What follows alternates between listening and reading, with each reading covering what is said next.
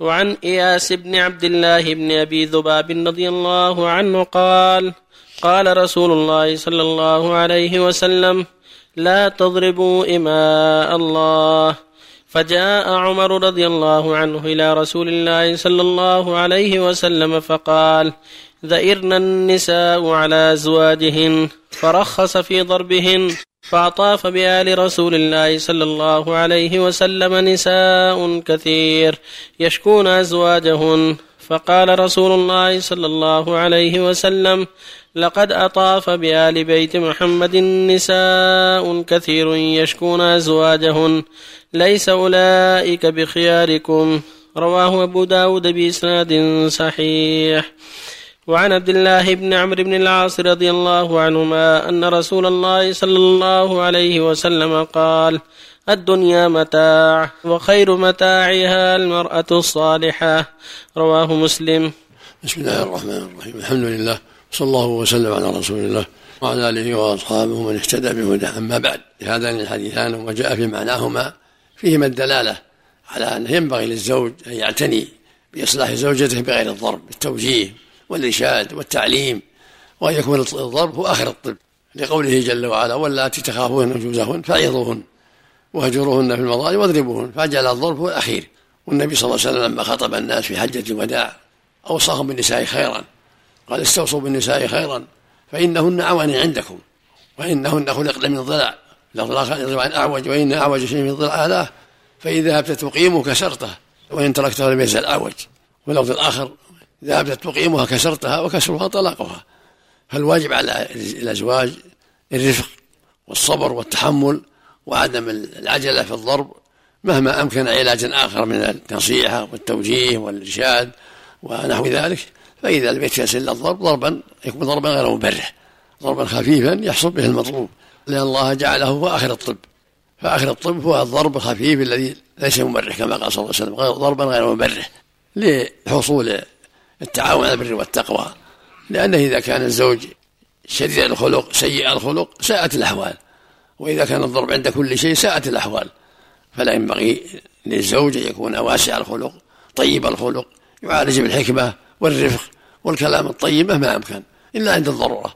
عند الضرورة القصوى يكون الضرب خفيفا غير مبرح إذا لم يغني العلاج الآخر والأسباب الأخرى شيئا. وفق الله الجميع. الحديث آخره ليس أولئك بخياركم. يعني الضراب يعني الضراب إلى النساء. يعني الضرابين بدون سبب شرعي. نعم. التي في سورة المجادلة ما تعني الخلاف بين الزوج والزوجة أحسن الله عمالك هذا معناها في أول الصورة. سورة المجادلة هي. يعني قد سمع الله التي تجادلك وتشتكي والله تحور نعم. وش فيه؟ يعني هل هو خلاف يعني عادي ولا أحسن الله عمالك يعني خلاف طلاق أحسن الله عمالك بين الزوج والزوجة تجادل في زوجها أنه فعل وأنه فعل ثم جرى ما جرى من الظهار. أحسن الله المقصود أن الزوج يكون عنده حلم وصبر وتحمل.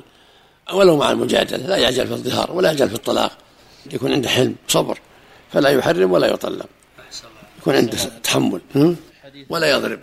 حديث لا يسأل الرجل فيما ضرب المرأة في نظر يحتاج نظر. نعم. أحسن الله إليك. إذا ابتدأ المقيم المسح حفظك الله ومضى على مسح فترة بسيطة. ولو صح يكون مقصود يعني الناس الآخرين. أما إذا دعت الحاجة كالتنازل عند الحاكم الحاكم يسأل. إذا الحاجة لكن إن الإنسان الآخر لا يتدخل في الأمور هذه. أحسن الله إليك. إذا ابتدأ المقيم المسح حفظك الله ومضى على مسحه فترة بسيطة ثم سافر. يتم مسح مقيم. هذه يبنى على الفتى مسح مقيم. يوم وليلة. نعم. وإن سافر قبل أن يمسح مسح ثلاثة أيام. والعكس.